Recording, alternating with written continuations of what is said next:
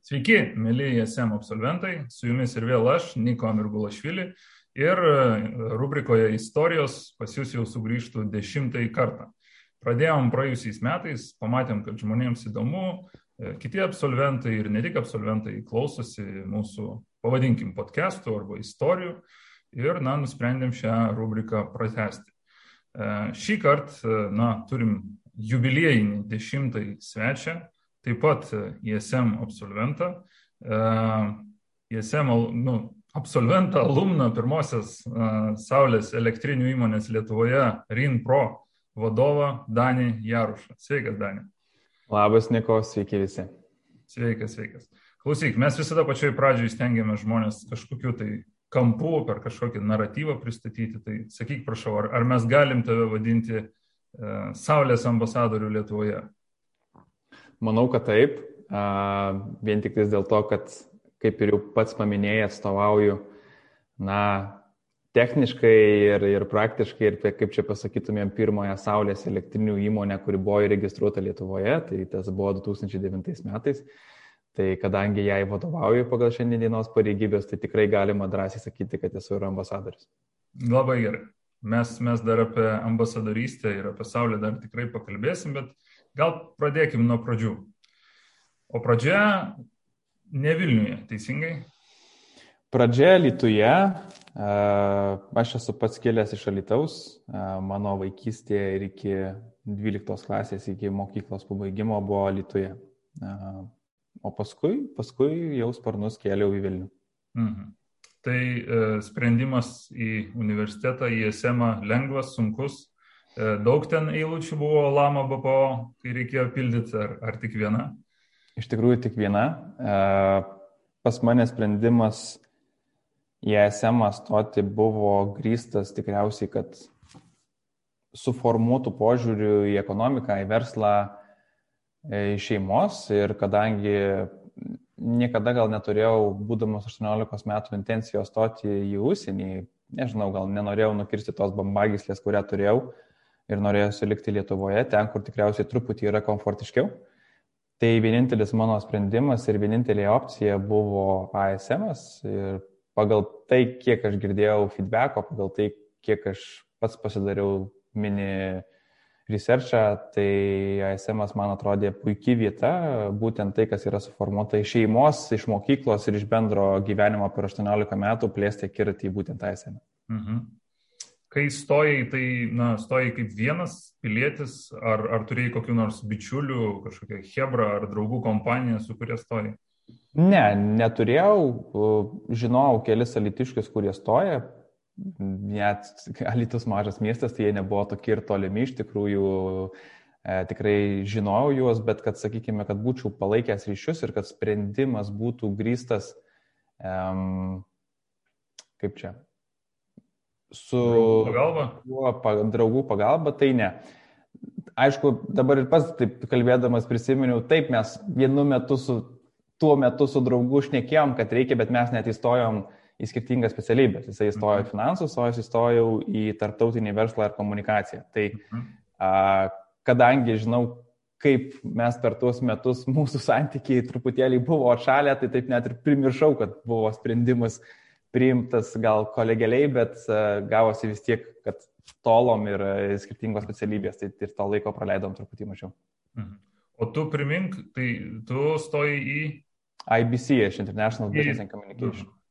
Į, į kaip čia, didžiausią, kaip čia, market share mūsų mažam ISM turinčią programą, ne?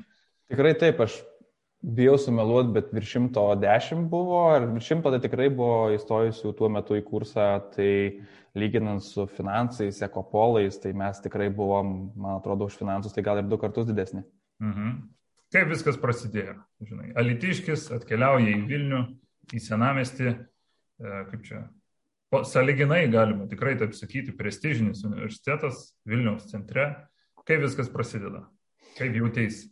Tai prasideda iš tikrųjų patogiai, aš kaip visą laiką, kaip prisimenu savo studijavimo bakalauro metus, aš visą laiką juos vertinu, kad jie man buvo patogus, nes aš turėjau tokią sakyčiau, tikrai prabangą ar galimybę tik studijuoti. Aš nuo 18 metų, būtent studijavimo metais, aš neturėjau jokio darbo.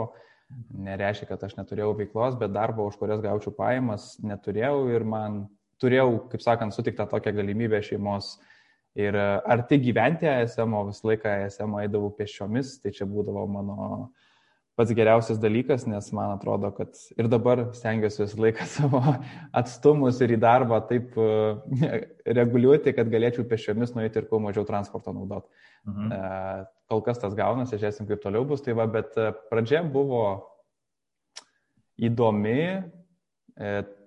dar ir tuo, kad, sakyčiau, į ASM įstojau su truputį tokia baime ir ir aš žinojau, kad tą, ką Lietuvoje mokykloje aš išmokau, kad ir tą labai greitai pajaučiau, kad man reikės stipriai pasistiepti, tai reiškia, pirmieji metai tikrai nebuvo man lengvi, galbūt ne dėl to, kad, kad nedėjau pastangų ar kažko tai nemokėjau, bet dėl to, kad tiesiog metodikos ir gal kartais pagalvoju, kad nebuvau išmokytas mokytis, kad, kad ir kaip keistai tai nuskambėtų, bet Tai yra ir dėl asmeninių tikriausiai savybių, ir dėl, tikrai nesakau, kad ten kažkas tai Lietuvoje mokykloje mane prastai mokė ar kažką, ne, e, bet tikriausiai, kad nebuvo iki manęs kaip asmenybės daita, kaip mane sudominti. E, čia yra, aišku, švietimo tema, kur galėtumėm 10 valandų apie tai išnekėti, bet pirmie metai esame tikrai buvo su iššūkiais, ir, bet buvo sėkmingi, neturėjau nei vienos skolos, tai labai džiaugiausi.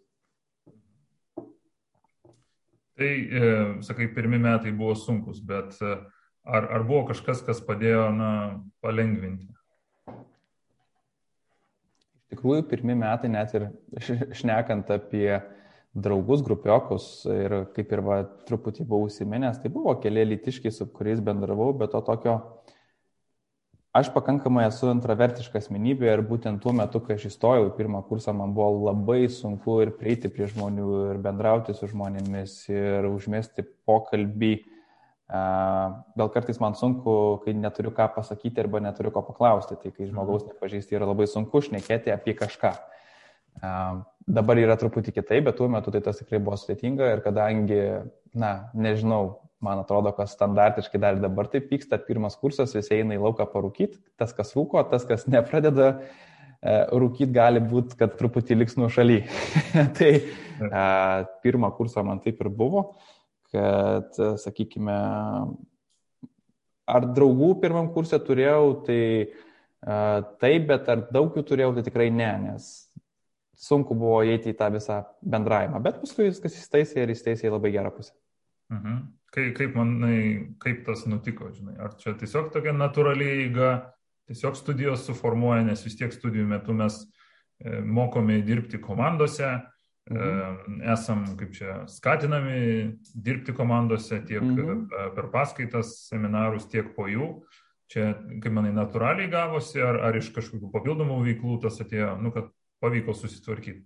Labai, labai teisingai, Niko, sakai, tai pagrindinė priežastis, kad gal galėjau praplėsti būtent pažinčių mhm. spektrą, kiratį, tai yra tai, kad buvo darbas grupėse. Tai reiškia, mes visi esame ir turėjom galimybę pabendrauti su daug žmonių per darbą. Tai taip natūralu, kad per šimtą žmonių tu negali su visais pabendrauti per visus grupės darbus, bet aš manau, kad iš tikrųjų tai taip kaip ir pamenu su vienu uh, bičiulių draugų, kurį šiandien drąsiai galiu vadinti draugu, taip ir užsimėsgė mūsų geras ryšys, būtent per grupės darbą ir, ir tada jau, kaip sakant, pas mane tas socialinis gyvenimas ir atsigavo, nes mhm. draugas, mes jį puikiai abu pažįstam, per jį atsirado pas mane socialinis gyvenimas. Tai įsiliejau į Vilniaus labiau, kaip sakant, gyvenimą ir uh, iš to mažo Lietuvos, nors ir nelabai jis mažas, šeštas Lietuvoje, e, pavirtau į tokį, kaip sakant, didmešio gyventoją ir galėjau įsilieti į socialinį tokį ir, ir universiteto, ir į, kaip sakant, po universiteto gyvenimą. Taip. Nu ir super, labai gerai. Tai ant, ant kojų atsistojom kaip čia, savo eiga ir dar su bičiulių pagalba. Teisingai. O gerai, tai čia socialinis gyvenimas, kuris yra nu, neatsiejamas ir, ir, ir labai svarbus. Kaip su darbais? Vis tiek, žinai, įstoji į SEMą, tu esi visada tokių labai motivuotų daug pasiekti norinčių e, žmonių apsupti.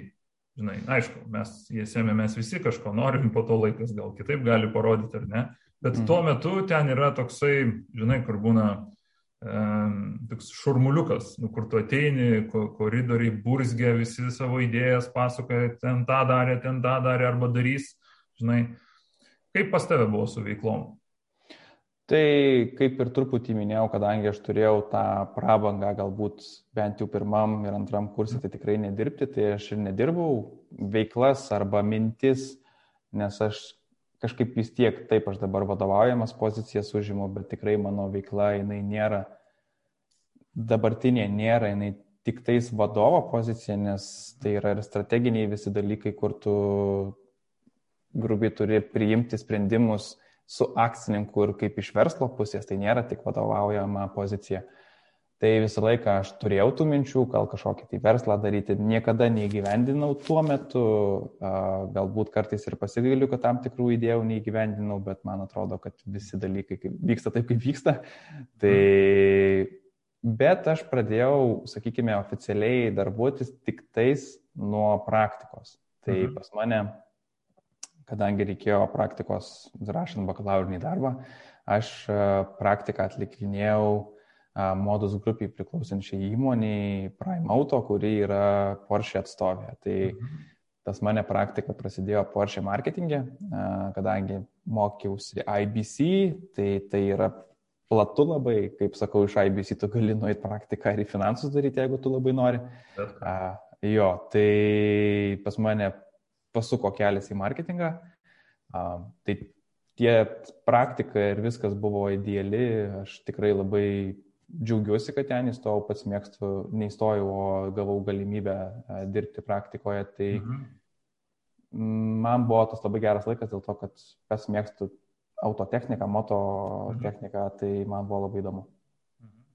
Ar buvo sunku, nes, e, na, minėjai, kad, žinai, viena iš pirmųjų darboviečių, tikiu, kad kažkokioj, kažkokiam kitam ampluo, ar ten su tėvais, ar su bičiuliais kažką kitą tikrai teko veikti, bet tokie, žinai, pirmas oficialus darbas, uh, Nu ir dar su tokiu, sakykime, tikrai prabangaus automobilio e, markė, ar ne, ir dar tokiam pakankamai e, dideliai grupiai įmonių, žinai, moduso, ar ne. Tai koks, koks tas jausmas? Ar sunku, ar, ar, ar, ar e, galbūt ta meilė automobiliams atsvėrė viską, kaip, kaip buvo?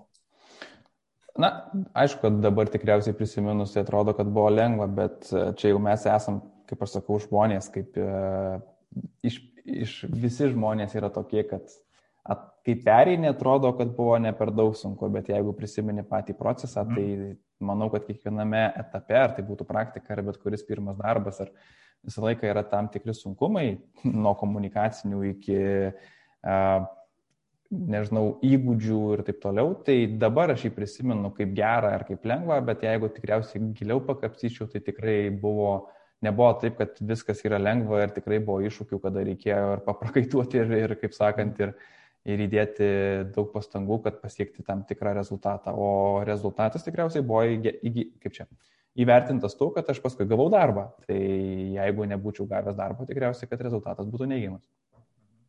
Gal iš tų visų, nežinau, iššūkių kokią nors įdomesnę situaciją prisiminė, ar jokingesnę, ar labiausiai, labiausiai išsiskyrusi. A, prisimenu vieną iš tikrųjų, kodėl jinai jokinga, dėl to, kad vis tiek aš turėjau praktikos vadovę, kuri buvo marketingo vadovė. Mhm. Ir tikrai būdavo, nu, kaip čia, e, su Porsche klientais labiau yra direct marketingas, čia apie praktiką šnekant. Ir tai yra email marketingas ar kažkas tai, ir tai nėra ten, kad reikėtų kampanijas leis labai ir mhm. produktas tiesiog tam iš principo yra netinkamas. Dabar jau Porsche jau, kaip sakant, kampanijų paleidžia ir visa kita, bet tuo metu tai to iš vis labai mažai buvo daroma ir aš labai gerai atsimenu, organizavau renginį kartu su savo praktikos vadovė ir marketingo vadovė ir turėjau uždavinį padaryti naujienlaiškį. Padaryti naujienlaiškį ir įsiųsti. Na, kaip, kaip gaunasi su praktikantais? Praktikantai turi būti vizuojami. Tai atsimenu, kad tas vizavimas turėdavo praeiti net ne tik tais marketingo vadovę, o ir vadovę. Ir labai gerai pamenu, kad pas mane toks buvo, kad man jau buvo atsibodę taisyti, ar ten kelis kartus reikėjo pataisyti ir aš nusprendžiau paimti ir įsiųsti. Mhm. Ir po įsiuntimo aš nusinčiau vadoviai, kad sak, ar gerai. Nu ir atsimenu, sėdėjau ir galvojau, nu ir dabar prisidirbsiu ir ne, tai pasirodo buvo gerai. Tai, tai toks, kaip sakant, dabar prisiminiau, kai paklausai, kad priėmiau sprendimą, pats prisėmiau riziką, pagalvojau, kad reikia daryti ir gavosi sėkmingai. Tai Taip. Čia iš tikrųjų labai labai įdomus momentas, aš tikrai galiu tam releitinti e, ir gal kas nors, kas klausys, gali pasirodyti, kas čia tokio, nu padarai darbą ir išsiunti ir viskas gerai, bet tuo metu, kai tu supranti, kad, nu, arba pamiršai, arba nedavėjai e, patvirtinti savo, čia, nežinau, vadovui, direct supervisor, kuris turėjo tą patikrinti, ir, ir buvo tikimybė, kad ten kažkokia bus klaida, o, nu, žinai, išsiųsti naujienlaiškį, nu, su klaidom ir dar Porsche's klientui, tai tikiu, kad, na, ar turinio klaida, ar gram, nu, nesvarbu, kokia ten klaida. Taip, tai... taip, nes turėjo būti viskas simply perfect, yra, kažkas taip galvoja, sako kažkas gal išpūtinės sloganas, bet, nu, taip, ir dabar taip yra, ir, mhm. ir aš sutinku, kad praktikantų reikia vizavimo, bet aš tada tuo metu gal truputį drąsesnis kartais pasijutau ir... Visiems iniciatyvos ir atsipirko, ar ne? Atsipirko. Gavai po to Vilnių iš vadovės. Tai kad net nežinojau, kad buvau įsiuntęs prie... tai, tai įsiunčiau e, su mintim, kad jau turiu vizavimą ir, mhm. ir gavosi gerai. Taip. Tai pardavėjai Porsche per naują laiškį. E, renginį taip. Bet e, ar, ar po to renginio parsidavė Porsche, manau, kad taip, nes mhm. uh, Porsche vis tiek kaip, kaip, kaip įmonė ir kaip produktas ir automobilis jis eina per experience. Tai mhm. renginiai yra su experience, dažniausiai yra bandymai automobilių ar kas nors. Tai visą laiką vienas kitas tikrai užsimotivuoja ir ateina su pinigais po ar pusę metų, ar po trijų mėnesių, ar kitą savaitę. Taip. Čia aš dar labai, e, čia, labai įdomu tiesiog, dar šiek tiek paklausinėsiu apie Porsche. E, vis tiek tikiu, kad esi buvęs ne vienam automobilių salone, ar ne? ne nu, kitų markių, ne tik Lietuvoje, ar ne? E, koks tas, nu, žinai, customer journey Porsche's bent jau, ar ne? Ar aš tikiu, kad nu, nereikia čia viso nuo iki išpasakoti, ar ne? Bet ar yra kažkokių tokių, žinai, mini dalykėlių, kurie na nežinau, padaro tą experience extra level. Aš iškart galiu prisipažinti, niekada nesu buvęs, tikiu, kad kažkada nukeliausiu, bet nesu buvęs, tai papasakok, prašau. Yra, yra ir aš manau, kad tai prasideda nuo labai paprastų dalykų, kurių kartais net nesupranti, kad jie yra. Tai kaip pavyzdžiui, kvapas salonė. E, tu kartais net nepagalvoji, kad yra per ventiliacijos angas paleistas išskirtinis kvapas, kuris gali būti tik tai Porsche salonė, kuris gali Koks būti... Tik... Kvapas? A dabar aš neatsimenu, bet Žinau, kad... Ar jis turi kokius bruožus, nežinau. Žinai, kaip būna į, į Ikėją, kai eini, va dabar jau jie yra paleidę, tai jau yra tas kalėdinis, žinai, tas namoninis. Jau toks, e, tu užeini į Ikėją ir jau Maraja Kerė groja tau galvoje, žinai. Ir jau eik. Aš, aš dabar tiksliai nepasakysiu, senai buvau salonė, bet aš manau, kad tai yra galbūt to naujo automobilio, ar kai odos kvapas būna, kažkas į tą pusę gali būti. Jo. Bet aš tikrai žinau, kad būtent premium automobilių salonuose tas būtent yra daroma tam, kad nu, tu pradėtum savo kelionę nuo to, kaip tu jau įžengi, tai nuo kvapo, nuo aptarnaimo, nuo elementaraus, nuo elementarios kavos. Aš, aš, ne, tai neturi būti premium ženklas. Man atrodo, kad kartais įmonė Aš pats esu kofemanas ir man atrodo, kad įmonė, kuri neturi geros kavos ir negali klientui pasiūlyti geros kavos, kas gali prasidėti labai gera nata. Nes jeigu tu duosi skanios kavos ir žmogus mėgsta kavą, jis iš karto taps jau pozityvesnis ir laimingas. Tai pirmas dalykas, ką reikia padaryti, turėti gerą kavą. Kad ir kaip tai keistai gal kartais gali nuskambėti, bet man atrodo, kad žmogus tada automatiškai pasijaučia gerai, nes jis gavo skanios kavos. Nes jeigu tu atsigeri neskanios kavos, tai čia kaip ir su pietom visą dieną sugadint. tai, tai, tai va taip. Pasakyk, kaip koks italas. Nu, man taip iš tikrųjų yra, nes ar rėmo, rėmo pradeda ten, ar kažkas, nu čia, žodžiu, detalės, bet manau, kad tai, tai va, grįžtant, tai yra smulkus dalykai, kurie susideda į tą visą didelę visumą, kada tu gali, e, tu jau prieš pirkdamas automobilį, tu pasijauti, kad tu esi išskirtinai priimtas ir tu turi išskirtinę, gal net pasijauti, kad progą nusipirkti automobilį, kurį kainuoja ten 200 tūkstančių eurų, bet tu mielai tuos pinigus moki, jeigu tik tais gali. dėl to, kad tu jautiesi puikiai aptarnautas. O jau paskui dar ir po pirkimo, tai yra visi tie renginiai ir viskas, kas yra po pardaviminis aptarnavimas, kuris irgi turi būti padaromas aukštam lygiai. Mhm. Labai įdomu. Aš e, dabar norėjau klausti tavęs, gal, e, žinai, gal Porsche kokį turi kozerį savo rankovį, bet po to supratau, kad jeigu mes dabar tą įgarsinsim, tai mes e, kažkokiam žmogui sugadinsim surprizą. Tai, žinai, tai gal pasilikim tą paslapti ir, kaip čia, rekomenduojam patys užsukti, patiems užsukti Porsche ir sužinoti, kokius jie ten kozerius kitus turi. Taip, taip, taip, taip. Gerai, tai kol kas tiek apie Porsche. Dažniausiai didelės grupės e, duoda e, galimybę, kaip čia, ir tą mobilumą judėti tarp grupės įmonių. Mhm. Ne? Ar buvo toks keisas ir pas tave? Taip, tai buvo, tai kai, kaip ir minėjau, mane pasiliko jau oficialiam darbui, aš pradėjau nuo marketingo asistento, jau gaudamas atlyginimą, nes praktika nebuvo apmokama, tai likau kaip marketingo asistentas ir dirbau su projektų vadovais, kurie buvo atsakingi už visus tuo metu esančius prekinius ženklus.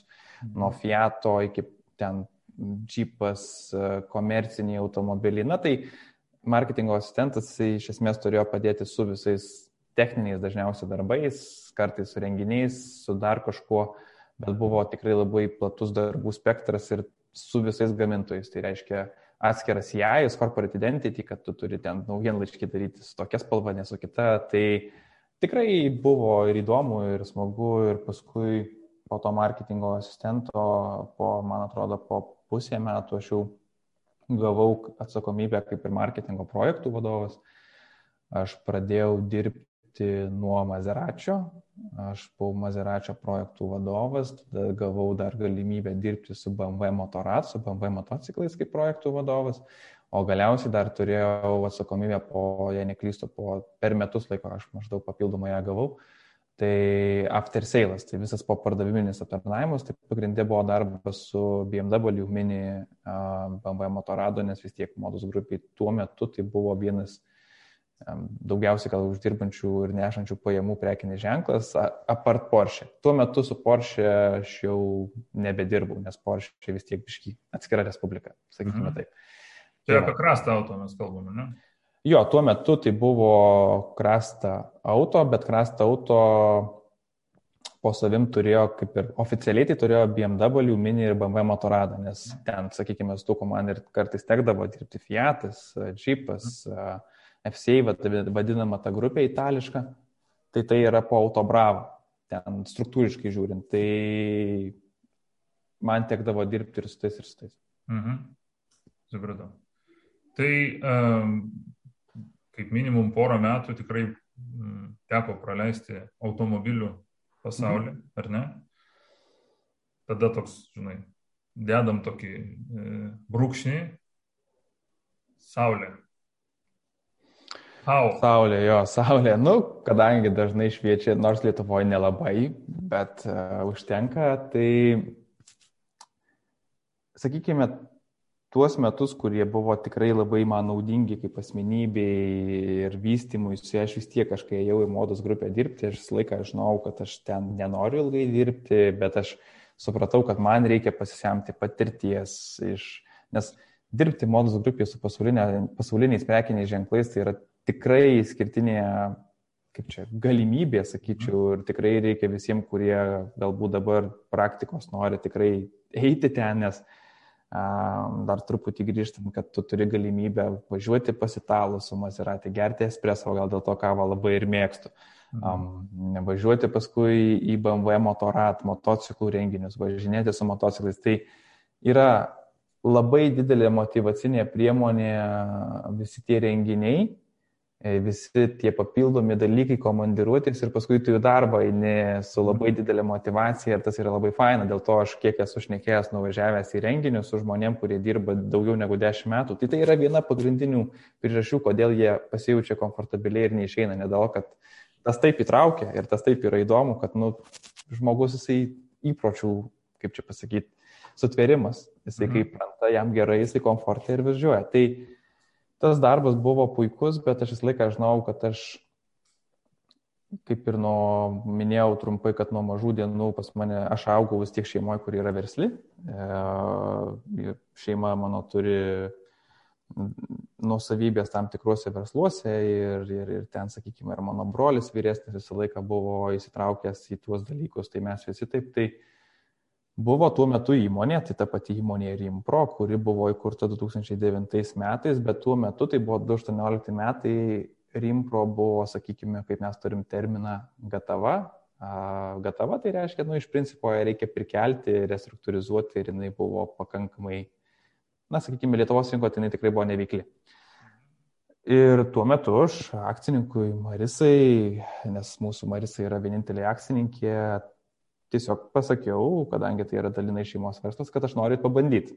Nes ir tuo metu ir Marisos vadovui tai atrodė, na, nėra ko praras dėl to, kad ten nieko nėra, grubiai tariant, arba tai, kas yra, tai yra tik tais pardaviminis kažkoks tai ten servisas ar kažkas, tai ką ten gėdimų taisymas ir taip toliau, jeigu kažkas tai atsitinka. Na va, ir tuo metu aš savo pasakiau, kad valio, einam nuo gero atlyginimo į neatlyginimą, pagyvensim asketiškai, pažiūrėsim, kaip gausis, bet aš turiu galimybę padaryti tai, ko aš visą laiką norėjau. Tai, va. tai saulė taip ir atsirado. Tai, žinai, atėjai, pamatėjai ir pasakėjai, kad aš noriu. Jo, galbūt tas pasitikėjimas savim tuo metu ir tas noras, kurį išreiškiau, jis man davė galimybę. Žinau, kur einu, žinau, kad nelengva bus, bet galiu dabar jau tikriausiai sakyti, kad rezultatas vis tiek yra ir tendencija gera, tai dirbam, viskas tvarkoja. Kaip viskas prasideda? ateina, nu įsivaizduok, tavo istoriją pasakotų, ateina jaunas vadovas prikelti įmonės. Čia, žinai, vos ne kaip anegdotas pradeda skambėti, bet čia realybė, žinai.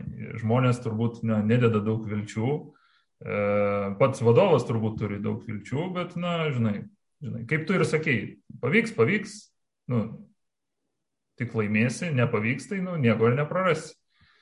Kaip tas atrodo, žinai, iš, iš vidaus, nes nu, fundamentą, pamatus, kai reikia statyti, nu, yra tikrai kas veikti. Kokia tavo buvo tuo metu vizija? Tai aš atėjęs į įmonę iš tikrųjų pirmi dalykai, tai aišku, buvo iš principo suprast, kaip ta saulės elektrinė veikia ir tu elementariai tikriausiai, ką darytum bet kuriam naujam versle ar, ar rinkoje, tu aiškinėsi, kas vyksta, Mhm. Elementariai, kaip rinka veikia, kokie konkurentai, kokie produktai, tu padarai visą researchą. Ir tada žiūri, kaip tu kaip įmonė gali save pozicionuoti ir kaip tu strategiškai gali bandyti įeiti į rinką. Nekalbant apie visus dalykus, kurie ten buvo uh, finansinės problemos ar elementariai kiekvieną dieną skambučiai, kurie tikrai nebuvo teigiami. Čia, kaip aš sakau, į servisą žmonės niekada neteina su šypsena, į servisą ateina su, su kažkokia problema. Tai tikrai visokių dalykų buvo. Ir tuo metu, kaip ir sakau, nuo tų visų teorinių dalykų iki pirmo pardavimo, kuris buvo padarytas manęs pačio, nes aš tuo metu buvau įmoniai vienas ir aš turėjau e, subrangovą, kuris man darė montavimą, bet tas subrangovas buvo keli žmonės, kaip aš sakau, ir į pirmą montavimą, kaip dabar atsimenu, tai kai pagalvoju, tai wow, bet ačiū labai tam, kas manim patikėjo tuo metu, kas nusipirko, nes elementariai nuo automobilio nuomos, nuo medžiagų įsisakymo, nuo tų medžiagų įsikelimo pačiam į automobilį, viską turėjai daryti pats ir pirma elektrinė buvo, na, nesukau varštukų, bet modulius padėjau kelti ant stogo, tai buvo įrengta manęs pačio ir kai dabar pamenu tą įrengimą, tai biški taip ir nupurto, bet supranti, kad čia, kur esi dabar, tai yra viskas fine, gerai įrengė. tai, tai va. Viskas savo rankom, bet dar šiek tiek papasakok, žinai, kaip tas atrodo, nes, nu, kokio lygio pasitikėjimo reikia parduoti, žinai, čia mesgi ne, ne, nežinau, Aš kažkada jaunas 12 e, klasiai pardavinėdavau daily card kortelę, žinai, nuolaidų. Nu tai čia, žinai, kiek ten, 20-30 litų. Bet čia mes kalbam apie saulės nu, elektrinę, apie modulius, dalyką, kuris neš, nežinau, kažkokią, ne kažkokią, o energiją ir taupys pinigus žmonėms. Nu čia yra realus vertės pasiūlymas ir jis ne, ne vieną tūkstantį eurų kainuoja. Kaip galima ateiti ir, na, tokį vat imti ir parduoti, neturint nei per daug patirties, nei kažkokį stiprų užnugarį, nes, kaip ir minėjai, na, įmonė tuo metu buvo, na, mažai veikli, sakykime. Aš net, geras klausimas ir aš net nežinau tikslaus tikriausiai atsakymo, bet, na, tiesiog tu tikriausiai kaip žmogus, tu savim tiki, darai. Mhm. Taip, tikrai dėjau didelę dalį į pasiruošimą, tai reiškia ir į tą analizę, ir į tą rinką, nes kaip, kaip žinai, Niko, ar sakai, kad nu, tai yra vienas dalykas nepigus įrenginys, mhm. kitas dalykas tai yra didelė atsakomybė, nes tai yra ranga, tu lipi ant stogo, tu grėži stogą, tu dirbi su elektra, su kabeliais. Nu, yra daug labai tokių dalykų, kurie elementariai darbų sauga, tai buvo pirmas dalykas, kurią įsivečiau, nes aš žinau atsakomybę, nes jeigu kažkas mhm. kažką tai atsitiktų, tai kas, kas, kas sėda, kaip tai sako, taip tai labai paprastai, nu kas vadovas. Tai, taip palaipsniui, palaipsniui tu tiesiog labai struktūriškai viską susižiūri, matai, kad uh, visgi tą vertę tu gali pasiūlyti, taip aš manau, kad pardaviminius sugebėjimus irgi turiu. Nu ir po truputį, po truputį tu eimi, parduodi, parduodi ir viskas gerai, bet, ir, bet tikriausiai, kad čia gal tolimesnis galbūt galėtų būti klausimas, bet didelė sėkmė yra ir tame, kad uh, susidėlioju struktūrą, strategiją, viziją. Aš manau, kad man kaip žmogui pasisekė pri, pritraukti labai gerus žmonės į komandą, nes visgi vis tiek mhm. įmonė yra komanda ir žmonės. Tai jeigu žmonės yra motivuoti, dirbantis ir savo srities specialistai, tai tu jau tikrai turi didelį pranašumą. Mhm. Minėjai struktūrą, susidėliojai, kuri buvo sėkminga, tai jeigu tai paimti įmonės gal tokį verslo modelį, ar ne, tai jūs veikiate kaip, nežinau, nu, tas pats minėtas kažkada novatūras, aš ateinu ir tu man pasiūlai va čia, žinai, į Tenerife, čia į Maldyvus ir taip toliau. Mhm. Ir tada, na, tu atitinkamai pasirenki, kokie ten bus biletai, kur mėgos ir, ir taip toliau.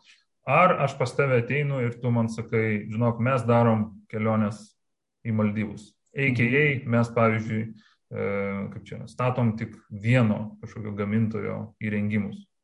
Ar ne? Mhm. Tai kuris mhm. čia variantas? Uh, tai Pas mus buvo ir pas mane visą laiką buvo mintis, kad mūsų darbas turi būti vienas dalykas su ilgalaikė strategija ir perspektyva. Tai mhm. žiūrint iš ilgalaikės perspektyvos, aš niekada neįsivaizduodavau, kaip tuo metu dauguma rangovų pardavinėdavo tai, kas grubiai yra ant lentynos. Tai reiškia, gal nereikia taip, kad kas yra ant lentynos, bet tikrai turėjo pigus, vidutinis, brangiausias. Ir dažnai rangovai, jeigu sugeneruodavo lydą ar klientą, tai jie stengdavosi iš tos pardaviminės pusės pasiūlyti ir parduoti, kad tik parduoti. Niekada nestovėjo už produkto ar už kaip čia, strategijos, kurią turėjo. Ne, pardavėjom buvo padaryta didžioji dauguma įmonių, kad svarbu parduoti, va turim aibę, aibę, kaip sakant, pasiūlymų, tu imk, parduok, kažkurį nupirks. Tai aš to niekada nemačiau kaip sprendimo ir strategijos ir man atrodo, žinoma, yra Lietuvoje ir čia trumpai taip saulės modulių gamintojų, kurie reiškia tikrai atstovauja vieną gamintoją ir taip toliau. Nu, ir rangovai atstovauja būtent tuos gamintojus lietuviškus, tik tais, kad pas mus su Lietuvos gamintojais modulių yra daug struktūrinių man neiškumų, nes jie kartais daro ir gamybą, ar distribuciją, ar dar žiūrėk, retailą nueina, tai tada daro viską bet niekada nebuvo to tokio, kad stovėtų, dirbtų oficialiai. Gal vienas kitas, kurio aš tuo metu nežinau, bet man tai atrodė, va čia yra būtent ta vieta, kaip Rimpro turi atrodyti. Tai Rimpro susirado gamintoją, kurį nori atstovauti, tai yra kokybiškas gamintojas SunPower. Ir e, jisai yra kapitalas, jisai grubiai tai yra USA rinkos kapitalas. E, ir mes susidėliojom strategiją, kad mes stovėsim už to produkto, įrenginėsim vieną produktą, nes reikia ir žinom, kad tai yra geras produktas. Žinoma, visą laiką buvo mintysė, kad mes negalim tik gero produkto pardavinėti, bet tas produktas turi būti ir žalias, nes šiai dienai aš manau, o šiandien kaip tik žaliai apsirengęs visai, tai pastelinė spalva, bet žaliai. Ne, netikėtai, taip, netyčia. netyčia, žinok, tikrai negalvojau, bet, tai, bet visą laiką buvo mintis, kad mes turim žinoti kaip produktas gaminamas, kokia yra supply chain, tiekimo visa grandinė, kad, kaip sakant, nebūtų celės, na taip grubiai pasakysiu, bet trečiųjų šalių ten, kaip sakant, šalyse mokant grašius daromi tam tikri darbai, taip atlyginimai ir atlyginimai per šalis, bet iš principo, kad visa tiekimo grandinė būtų pas gamintojo rankose mhm. ir kad jisai žinotų, ką per produktą deda. Tai reiškia, mes tada kaip atstovai mes galėjom tikrai aiškiai komunikuoti, kad tai yra geras produktas ir kad mes galim dėlioti ilgalaikę strategiją, nes, nes tik tais ilgalaikė strategija yra mano ir mūsų įmonės tikslas, nes mes negalim ateiti čia šiandien, aha, yra paramos, o čia sukūrėm rangovą, nes saulės elektrinė įrengti pakankamai gal elementaru kartais atrodo, a, mhm. uždirbam ir dingstam iš rinkos. Ne. Nuo 2009 metų Rimpro buvo įkurta, taip jinai, kaip aš sakiau, buvo gatava, bet jinai niekada nebuvo likviduojama dėl to, kad jinai turėjo įsipareigojimus. Tai tuo metiniai vadovai, tuo metiniai vis tiek akcininkai buvo skirtinga biški akcininkų struktūra, visą laiką žinojo, kad reikia daryti ilgalaikę perspektyvą, nes mums ir akcininkė niekada būtų neleidus daryti kaip čia tik tais čia ir dabar. Tai ir tuo metu buvo dėliojama taip strategija, kad mes žinodami, ką įrenginėjom, neturėtumėm jie didelių kaštų, nes tai yra ir verslo modelis, ir galėtumėm Ir mačiau rinkoje galimybę ir ne tik Lietuvos rinkoje, nes mes jau dabar bandome ir į Baltijos šalis eiti, ir į Šiaurės Europos, nors dabar jau visi Šiaurės Europą, Skandinavijos šalis. Tai ta strategija pasteisino, mes randam savo klientą, mes randam klientą, kuris vertina kokybę ir supranta, kad tai yra įrenginys, kuris nestovės 5 metus ant stogo ir 25 metus, o gal ir ilgiau.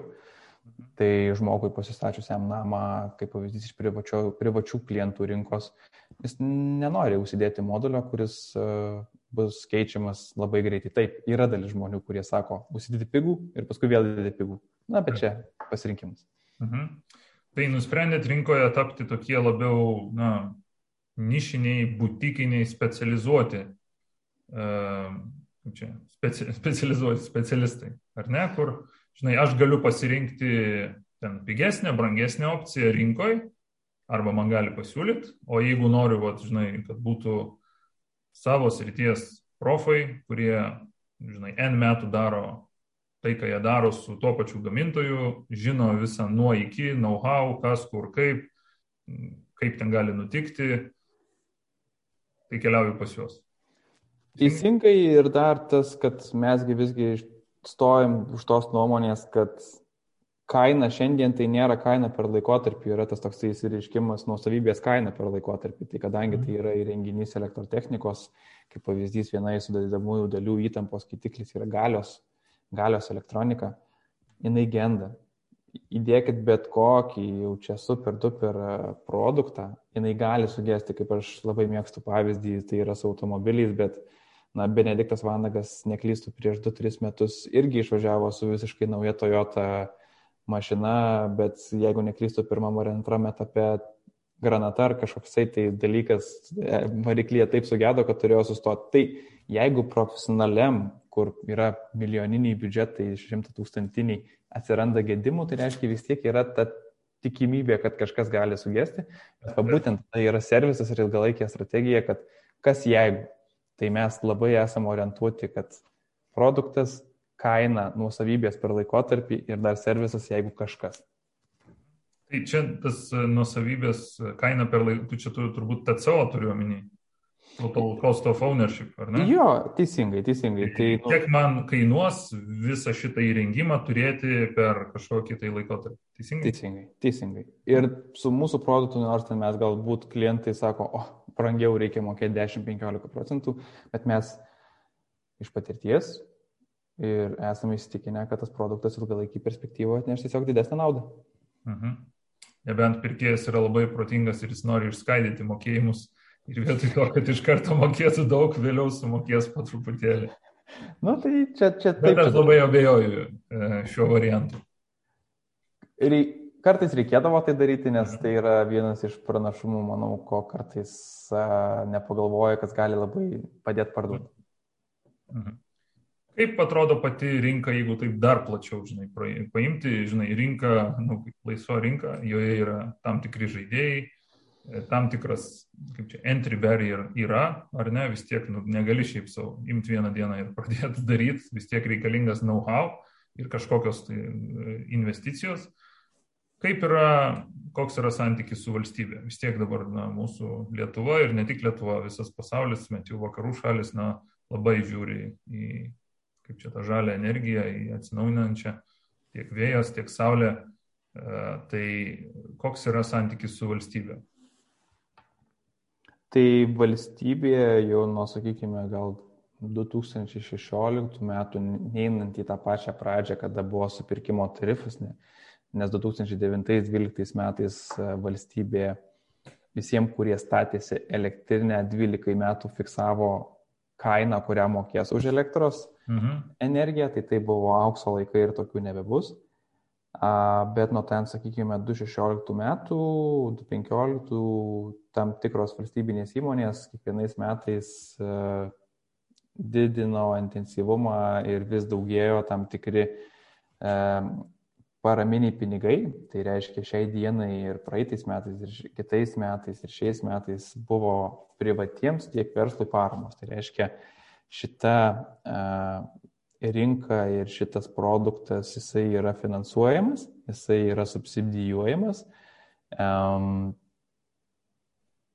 subsidijuojamas, manau, kad bus dar tikrai 2-3 metus, paskui sakyčiau, kad ta subsidija turėtų arba dingti arba jinai turėtų stipriai pradėti mažėti, nes kad mhm. įsivažiuotų rinka subsidijos visą laiką reikia, bet galiausiai tu turi ją pradėti mažinti, kad nebūtų priklausoma tik nuo subsidijų, nes tada klientai, jie, ar tai būtų privatus ar verslo, jie tiek įpranta, kad jie paskui pamiršta, kad kartais net ir be subsidijos ta vertė yra, ypač kai dabar va, elektros kaina yra aukštumuose, tai paramos iš principo nereikia, nes parama ir įpareigoja, ir, ir reikia ir procesus ilgai daryti ir visą kitą, nes yra biurokratinis procesas. Tai kartais aš, aš tai sakau, geriausi klientai tai yra be paraminiai, normalu, bet... Ja, bet e, manau, kad tame yra irgi vertės, nes tiesiog viskas vyksta greičiau. Mhm. Dabar, kai ypač medžiagų kaina keičiasi kas du mėnesius, tai greitis yra geras dalykas. Mhm. Tai subsidijuojama tiek privatus, tiek, tiek verslas, grubiai subsidija yra apie 30 procentų samatos, tai yra didelė subsidija ir tikrai tas elektrinės įsirengimas tiek verslo, tiek privačiam jis tampa, sakyčiau, lengvai prieinamas ir, ir tai nėra jau tada tokia jau tada didelė investicija. Mhm. Tai jeigu reikėtų tokį pavyzdį papasakoti, ar ne, eilinis pas jūs, nežinau, koks pilietis, va šiandien ateitų, nežinau, 150 kvadratų namas kažkur aplinkui Vilnių, ar ne? Ir sako, va, aš noriu, žinai, pasistatyti. Jūs turbūt ten pakalbėtumėt apie stiprumą, galingumą, ar ne, kokio jisai nori. Ten turbūt pažiūrėtumėt tą jo projektą, kaip tas namas atrodo, ar ne, teisingai, vis tik reikia įvertinti nu, ten visus nuolydžius, kas kur, į kokį kampą ir taip toliau, ar ne tai tą apdorojat, ar ne? Ir, na, kiek jam vat, galėtų kainuoti toks dalykas. Nu, range, jeigu tai paimti, e, be subsidijos ir su. Tiesiog, kad mhm. Įsivaizduotume, apie kokio dydžio čia mes investiciją kalbam ir tada, jeigu nesunku, pridėk, žinai, per kiek pagal jūsų apskaičiavimus jam tas gali atsipirkti. Tai aš pasakysiu, kad rinkos tikriausiai kaina jinai sviruoja nuo už 10 kW elektrinę, ne pagal tai, kaip įvertinai, tai turėtų būti pakankama, jeigu neturi žmogus elektromobilio.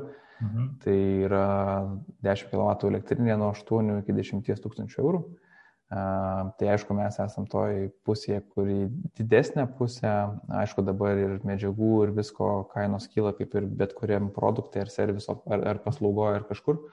Tai aš taip sakyčiau, na gerai, nuo 8 iki 11, nes yra tikrai visokių produktų, kur kartais ta kaina jinai gali e, perlipti ir 10 tūkstančių eurų. Tai tai yra be paramos. Parama uh, yra skiriama būtent tik už 10 kW, tai reiškia klientas privatus, čia būtent apie privačius gali įsirengti iki de... ir daugiau, bet jam bus subsidijuojama už 10 kW ir tas suma yra 3230 eurų. Tai, tai va kaip ir sakiau, jeigu moki 10 tūkstančių eurų, tai tai yra grubiai 30 procentų samatos. Mhm. Su verslu yra kitaip, su verslu yra, net tai sakyčiau, kartais net geresnės sąlygos, nes verslas, kuomet statosi didesnę elektrinę, tai jisai e, jau nueina ir į masto ekonomiją, kaip ASM sakydavo, economies of scale, kur atsiranda mažesnė kaina per kilovatą, sakykime. Ir tada tas fiksuotas subsidijos dydis per kilovatą, jisai kartais perlipa ir gali nueiti ir į 40 procentų lygį, mhm. kur ta elektrinė, jinai tiek privačiam, tiek verslui gali įsipirkti ir per 4 ir per 5 metus, kas mhm. energetikoje yra labai greitai, nes energetikoje iki 10 metų galima galvoti apie investiciją. Tai kai verslas ateina ir jisai pamato payback ar mūsų skaičiavimas, nu, apie diskontavimą nešnekėsim, nes šiai dienai, nežinau, kiekvienas verslas skirtingą diskontą turi. Uh, Mhm. Tai, bet jis prisima, mes paskaičiuojam paybacką ir RR, vidinę gražą vadinamą, ir Taip. tai yra 4-5 metai. 4-5 metai verslui ar privačiam? Ir tam, ir tam. Galima net ir taip pasakyti, kad ir tam, ir tam, nes mūsų strategija, čia aišku, jau yra vidiniai dalykai, mes labai daug dėmesio kreipiam, kad klientas įsirengtų ar būtų privatus ar juridinis tiek, kiek reikia. Mhm. Nes tada yra didžiausia maksimali graža iš investicijos. Nes kartais ko pasigendam, tai geros analizės iš konkurentų, bet tai tikriausiai yra mūsų pranašumas. Mhm. Ir kaip tas atrodo? Nu, žinai, nusipirkau, sumokėjau, nu tai 10 tūkstančių čia, nežinau, e, dar kokį, nežinau, 50 procentų pridėjus, jau ten kažkoks pradinis įnašas gali gautis, ar ne? Nu, savotiška tokia investicija, sakai, atsiperka per 4-5 metus, Ir kiek stovi tada ta elektrinė? Kiek jinai man gali nešti į, į pliusą? Tai jos tas e, nusidėvėjimas ir gyvenimo laikotarpis, tai jisai gali būti minimaliai, sakyčiau, 20 metų, maksimaliai, kad ir 30 ir daugiau. Tai irgi priklauso nuo įrangos. Taip, jeigu tai bus pigesnė įranga, tai tikriausiai, kad įtampos skaitiklis gali ir po 5 metų sugesti, ar ir po 10 čia jau kaip, kaip kartais pasiseka, ar kaip nepasiseka. Bet elektrinė jinai, arba taip kaip ir net rinkoje dauguma pardavinėja, tai sako, nuo 20 iki 25 metų tai yra tas laikotarpis, kiek elektrinė bus efektyvi, nes moduliai, saulės moduliai, jie degraduoja per laikotarpį. Tai čia dar irgi yra vienas iš mhm. gero produkto bruožų, kad e, geras modulis degraduoja mažiau per laikotarpį. Tai reiškia, jisai mhm. išlieka ilgesnį laiką maksimaliai efektyvus. Mhm Mhm. Ir tai būtent va, tai ir atsiskleidžia, tai yra nuosavybės kaina per laikotarpį. Taip, tai bėgant maratoną, kai jau ten visiems 30 km pradeda šlubuot, tai jūsų įranga kaip čia sprintą daro. Jo, mes uždedam naujus Nike kėdus ir tada, tada viskas. Antras kvepavimas ir Važiuojam, ne? Čia kaip su Emanueliu Kipčiogi priešais išbėga kiti bėgikai, kurie padaro aerodinaminius, kaip sakant. Ai, dar, dar tokiam lygiui mes kalbam, supratau. Yeah. Bet tu turbūt turėjau minį tą, kurisai per dvi valandas, mažiau nei per dvi valandas nubėgo tą teisingai, teisingai. maratoną Austrijoje, neklystu, ar Šveicarijoje, neatsimenu. Jo, jo, jo, jo, jo. jo. Tai žodžiu, pas jūs toks lygis. Nu, čia truputį išvaržuodamas, hiperbolizuodamas, bet taip. Aha, supratau. Nu, žinai, vaikystėje gimus visada mokė, kad žinai, kokybė kainuoja, bet apsimoka. Yra pasakymas, kaip ten, jeigu tik tai žmogus gali, nes čia visą laiką reikia, nu, skirtingi pajamų šaltiniai, skirtingi atlyginimai, bet kartais e, mes sakom, kad uh, tikrai mūsų tas segmentas, jisai nėra tik tais, kad žmonės tik tais aukštesnės pajamas gaunantys e, atlyginimus ir pajamas gaunantys žmonės jie perka pas produktą. Tikrai ne, nes mes jį žinom tą vertę, ar mes įrodom tą vertę, ar tie 10-15 procentų mhm. per galbūt lankstesnės mokėjimo sąlygas ar per kažką mes tikrai verta ir tikrai pas mus klientai ir ta, tas segmentas yra labai platus. Mhm. Kas toliau? Žinai, atėjai, pamatėjai, nugalėjai, įmonė jau stovi, jau tikrai nebegatava. Gal galima būtų taip irgi šaržuojant sakyti, kad kaip tik jinai dabar gatava, žinai, nes rusiškai gatov reiškia, nu, pas, pa, pa, paruoštas, Paruošta. ruošęs. Ja, ja. Tik mūsų lietuviškam slengia gatavas reiškia, kad, nu jau, žinai, jau, kaip čia, savo e, saulėlydyje, ar ne? Tai jūsų atveju e, įmonė jau yra, e, čia, stovi ant kojų, pasiruošusi aukti, judėti į priekį. E, tu prieš tai minėjai, kad, žinai, eina, eina kalba apie užsienį, ne? kaip tas atrodo? Nes, na, aš suprantu, kai tu Lietuvoje susipozicionuoji, kad tu esi toks, žinai, nu, vat, kaip mes kalbėjom, butikinis, nišinis, kažkokio premium segmento atstovas, tai ok. Bet, nu, europiniai, pasauliniai rinkai konkuruojant, taigi, nu, ypatingai su skandinavais kokiais nors, tengi juk ten tų įmonių per akis. Kaip Jūs manot, kaip su tuo Jūs tvarkysitės? Aš manau, kad tokios konkurencijos, kokia yra Lietuvoje, tai dar reikia paieškoti. Dėl to skaitau, kad mūsų ta strategija, mūsų tas pasirinktas kelias, jisai gali būti perkeliamas į kitas rinkas, jisai galbūt mhm. nebūtinai turi būti tokiu pačiu uh, E, modelių verslo, bet e, produktas, už kurio stovim ir e, tai, ką bandom daryti, taip kaip bandom daryti, tikrai gali būti nukeliamas į kitas rinkas. Tai um, vieni vedi vici sakėjai, tai sakyčiau, vici dar, dar, dar šito nebrėžiu. Uh, manau, kad mūsų yra tikrai geras labai startas ir labai aš jau iš tikrųjų jau po truputį pradedu džiaugtis, nes ko, ko nemoku ir man kolegos dažnai sako, kad uh, nu, reikia pasidžiaugti. Tai pasidžiaugiam, bet, žinai, kaip su tuo džiaugsmu, pasidžiaugi sekundę ir toliau varai. Tai tikrai dar yra labai daug ką padaryti ir tikrai, nors ir geras startas, tikrai reikia žiūrėti, kad iš to, iš tos iš tikrųjų, iš to įsibėgėjimo, kad iš principo įmonė būtų ir finansiškai stipri ir kad neatsirastų problemų. Tai manau, kad augant atsiranda tų visų klausimų, normalu, kad tik daugiau ir tada ta struktūra ir ta strategija ir ta struktūra būtent yra labai svarbi, kad ta įmonė, jinai iš esmės gavus daug užsakymų ir taip toliau ir pasitikėjimą klientų, jinai ne tai, kad nesugriūtų, bet neatsirastų problemų, bet ir jinai galėtų plėstis į kitas rinkas. Tai pas mus tas atrodo taip, kad mes ir aš asmeniškai esu tikrai labiau nei visada susikaupęs tam, kad įgyvendinti klientų prisižadėtus, kaip sakant, užsakymus, tiekimai, visą kitą, gyvenam tokiam laikė, kur jisai yra tikrai sudėtingas.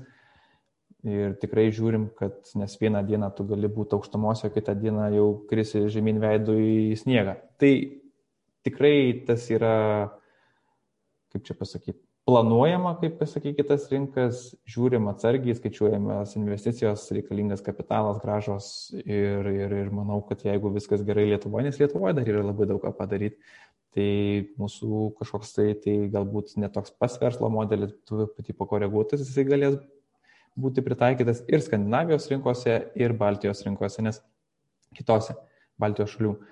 Nes matai, Skandinavijoje, kas skiriasi nuo, tarkim, nuo Lietuvos, tai Skandinavijoje žmonės mėgsta mokėti pinigus. Ta prasme, aš turiu minį, kad ten žmonės mėgsta kokybę, jie per daug galvos nesuka, kad tai yra truputį brangiau. Jeigu tik tai žinai, kad gaminys geras, jie mokės, ypač kaip pavyzdys Norvegija. Turtinga šalis, anaftos gimus, žmonės uždirba didelius pinigus. Jeigu tu juos įtikinsi, jiem neklausimas pamokė 10-15 procentų. Jo, naftos gimus, bet e, kiek žinau, labai gerai jis su ta nafta tvarkosi. Palieka ateities kartoms, ar ne? Ja, ja, ja. Turi milžinišką milijardinį fondą. Teisingai, teisingai. Jo, jo, jo. Nu ir taip, ir pinigus leisti visada smagu ant kokybiškesnių dalykų, ypatingai kai juos turi, ar ne?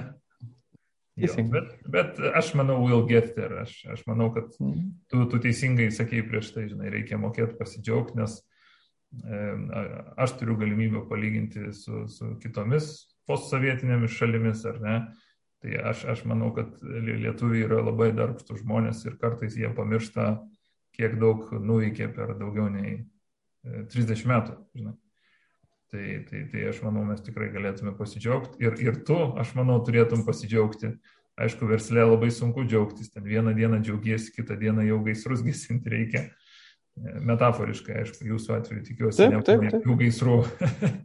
ne, žinai, aš va kaip čia su kolega nesiniai kalbėjau, ne iš įmonės, bet uh, grupiokų vienu, tai nu tų gaisrų dabar mini gais, gaisrų. Kiekvieną mm. dieną. Tu kiekvieną dieną ateini ir tu žinai, kad kažkokia tai naujiena. Aha, tiekimas turėjo būti toks, toks. Tai čia dabar tas taip padažnėjo, kad tai yra it's a new normal. Ir uh, taip neturėtų būti, bet taip yra.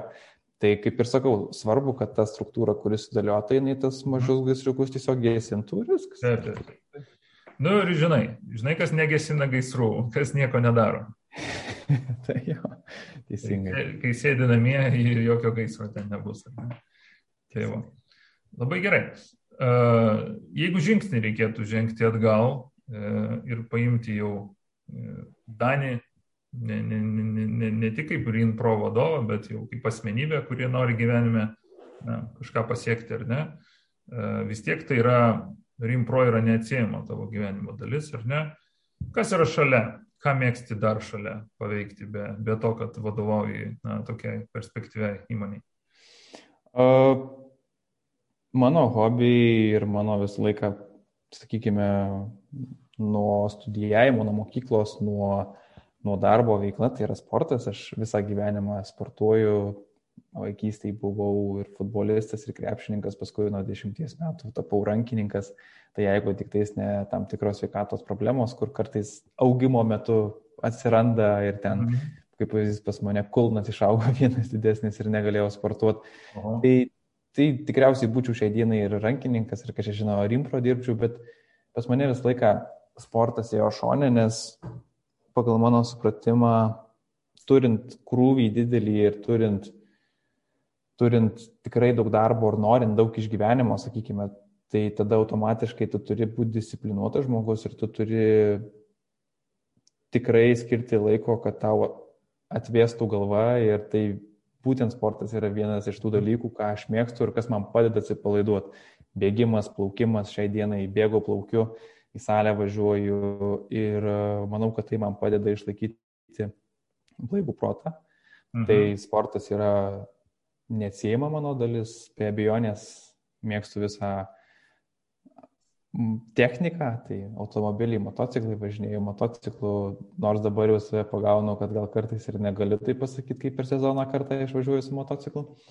Tai, bet vis tiek aktyvus, aktyvus, aktyvios pramogos, tai yra mhm. tai, kas man padeda galbūt išlikti savimi ir išlikti disciplinoje. Mhm. Nes ir tikrai e, reikia to valingumo, kaip ir pats žinai, Niko ryte atsikelti ir prabėgti. Tai va. Taip kaip šiandien mes abu padarėm, e, ar ne? Aš e, bėgau tu į sporto salę, ar ne, kaip prieš tai kalbėjau. Ir man labai patiko tavo mintis dėl sporto, e, kaip, nežinau, disciplinos priemonės, bet to pačiu kaip tokio būdo, nežinau, gal atsipalaiduoti, nes tu kaip nu, vadovas ir, ir tikiu, kad daugelis kitų žmonių, nebūtinai vadovai ar ne, nu, tikiu, kad žmonės iš ISM irgi tam, žinai, pritars, kai mes esam pripratę, žinai, visada būti prie kompo, visada kalbėti, argumentuoti, priimti sprendimus, prisimti riziką, siūsti naujienlaiškį ar ne, be leidimo, ar nesvarbu, kokia tai, kokia tai būtų situacija, mes labai daug mini, mikro ir labai makro sprendimų, žinai, priemam ir tai gali, nu, smegenis labai apsunkinti, žinai, tą jausmą, kai grįžti namo ir nieko nenori, toks, kur įsijungi YouTube'ai, ten, nežinau, funny video compilation, nu toks lygis, žinai. Taip, taip. Tai aš, pavyzdžiui, pastebėjau, man, man bėgimas labai padeda, kaip čia, išvalyti visą tai. Nu, tu labai susifokusavęs darai kažkokį vieną mechaninį, čia labai svarbu, ne, ne kūrybinį, bet mechaninį darbą, žinai, čia kaip mhm. batus valyti arba indus plauti. Nu, tu toks atrodo lyg ir dirbi, bet smegenys pailsi, nes nu, nereikia mąstyti, čia antiek mechaninis darbas. Tai labai sutinku, sportas aš tikiu, kad neatsiema turėtų būti. Tikrai taip, čia aš gal tokį turiu pasakymą, reikia įsižeminti, nes elementariai buvo ruduo, nu reikia nuvažiuoti sugriebtos lapus ir tai paskui taip pat palaiduoja ir taip išvalo galvą, tai ar sportas, ar aktyvi veikla laukia. Tai yra būtina, kad e, žmogus norintis ir keliantis savo ne, daug tikslų, aš pasakysiu taip, kad jisai išliktų blaivaus proto ir kad pasirūpintų savim, aplinkiniais ir dar, kad, kaip sakant, viskas veiktų. Tai tikrai reikia skirti tam dėmesio. Tai. Mhm. Labai gerai. Vienas iš tada, ne vienas, o turbūt paskutinis klausimas būtų, ne, nemažai jau aptariam, aptariam tavo pradžią, e, aptariam, kaip su RINPRO sekasi ir, ir tavo asmeninius hobis. Paskutinį klausimą mes dažniausiai paliekam tokį, žinai, bendruomeniai. Ir tas klausimas visiems mūsų pašnekovam šitoj rubrikoje yra toks pat. iš savo patirties, iš to, ką tau pavyko iki šiol, na, nežinau, patirti, nugyventi, pamatyti, ko palinkėtum kitiem ISM absolventam, alumnams? Tai suprasti, kad mokslai ISM yra labai gražus laikotarpis ir labai fainas, tai yra viena. E, nuvažiuoti į Erasmus programą. Mhm. Mano patirtis nuostabi, visiems siūlau tą daryti. Ir, ir visgi tikriausiai, kad e, palinkėčiau va būtent tai, ką mes pokalbio gale ir apšnekėjom, kad, kad ir kiek daug bedarytumėt, kad ir kokius didelius tikslus turėtumėt, niekada nepamirškit pasirūpinti kartu ir savimi, kad ir kaip čia taip mhm. motiva, motivatiškai, iš motivacinės pusės skambėtų, bet uh, visgi reikia suprasti, kad kūnas yra svarbus ir švari galva ir tik tais tada gali pasisiekti, ne tik pasiekti, bet būti pasiekti rezultatai ir kad būtų, net nežinau, elementariai švari galva ir būtum laimingas. Tai būkit, manau, kad visi SM studentai veržlus, bet kartu ir įvertinkit rizikas ribas, o toks dar paskutinis, nepamirškit, kad yra daug ASM absolventų reikia, reikia daugiau bendrauti su buvusiais kolegomis, grupiokais ir labai šaunu, kad Niko šitą iniciatyvą darai, tai tikiu, kad mūsų visi grupiokai, kolegos galės daugiau laiko skirti ir galbūt dažniau susitikti. Labai gerai. Pasakysiu ačiū visų ISM absolventų vardu. Tai labai gerai, ties čia mes, aš manau, ir e, galim pabaigti mūsų, e, mes šitą pokalbį, jeigu ką įrašinėjom ryte, rytinį mūsų pokalbį galim pabaigti. Abs, absolventai ir mūsų žiūrovai ir žmonės, kurie seka mus, galės šitą įrašą pamatyti tradiciškai YouTube platformoje, o paklausyti Spotify. Ne? Tai to ir palinkėsiu. Sekite mus visose socialiniuose tinkluose, kur mes kažką veikiam, viešinam, rodom, ką veikiam. Tai Facebook, LinkedIn ir Instagram būtinai pasidalinsime, ką veikiam, kur norėtume jūs pakviesti ir, na, su istorija, tiksliau, su rubrika istorijos mes dar tikrai sugrįšim ir su kitais pašnekovais. O šiam kartui, Danė, noriu tau padėkoti, kad prisijungiai ir papasakojai. Ir iki kitų kartų, tikiuosi jau e, kitą kartą jau pasimatysim gyvai su kitais ISM absolventais. Žinoma, ačiū labai, Niko, kad pakėdė. Ačiū. Iki. Iki.